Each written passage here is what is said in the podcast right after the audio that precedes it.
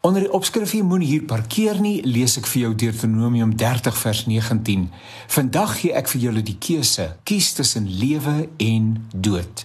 Kies of julle wil hê dat dit voorspoedig met julle moet gaan en of julle wil hê teespoed moet al agter julle aantrek. God in die hemel en al die mense op aarde sien wat julle vandag kies. Ag, mag julle tog maar die lewe kies dan wag daar 'n wonderlike toekoms vir julle en vir julle kinders en kleinkinders. Interessant hoe dit alledaagse dinge 'n mens aan geestelike waarhede kan herinner. Padtekens vernaam het baie toepassingsmoontlikhede. Ek glo dat jy al 'n padteken gesien het wat jou nie toelaat om op 'n spesifieke plek te parkeer nie. Dis mos so so 'n ronde sirkel met die letter P daarin en 'n streep wat deur die letter getrek is. Ons wil egter dikwels parkeer by ons hartseer, ons trauma en ons teleurstellings. Vir sommige raak hierdie omstandighede, hierdie negatiewe omstandighede, eintlik 'n stuk sekuriteit. Nou het hulle 'n rede waarom hulle altyd swartgallig, negatief en depressief is. So hulle parkeer by die omstandighede en hulle hervat hierdie reis nie weer nie. Ander uh, ontdek dat hulle by daardie parkeerplek anders 'n belangstelling omgee en selfs versorging kan geniet.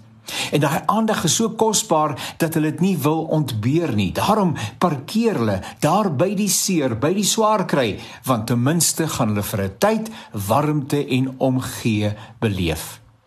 Die seer dinge van die lewe durf jou nie vir lang periodes gevange te hou nie. Ja, die lewe gebeur en die lewe is soms baie vel. Moenie aan die versoeking toegee om daar te parkeer nie. As dit moet, skep asem, maar hergroepeer en gaan aan met die projek, projek lewe. Dit beteken nie dat 'n mens nie tyd moet neem om deur die ongelukkigheid te werk nie, maar iewers moet daar afsluiting wees. Jy kan nie in ontkenning bly voortleef nie. Die oorwinning en deurbraak kom wanneer jy by wyse van spreuke die volgende kilometer aandurf. Dit is soos iemand wat van 'n perd afgeval het. Dit laat jou met 'n oordrewe gevoel van versigtigheid en selfs vrees. Maar mense wat weet sal jou aanraai om so gou as moontlik, desnoods net nadat jy afgeval het, dit weer met die perd te waag. Iewers bemeester jy die kuns om op die perd te bly. So gesien lei die seer kry, wat dit ook al mag wees, tot 'n oorwinning. Dit rus jou toe vir die lewe. Dit maak jou sterker.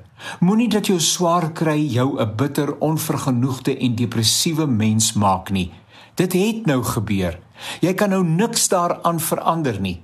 As dit dan nou moet, laat die motor vir 'n tydjie luier effens luier, maar kry die spul in 'n rad en kyk na al die geskenke wat God langs die pad op pad na jou bestemming vir jou in gedagte het. Jesus het ter wille van die prys nie die velheid van die kruis ontduik nie.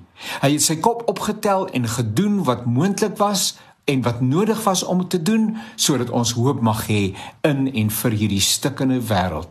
Doen dit net. Gaan aan met die lewe kom in rad en ry verder.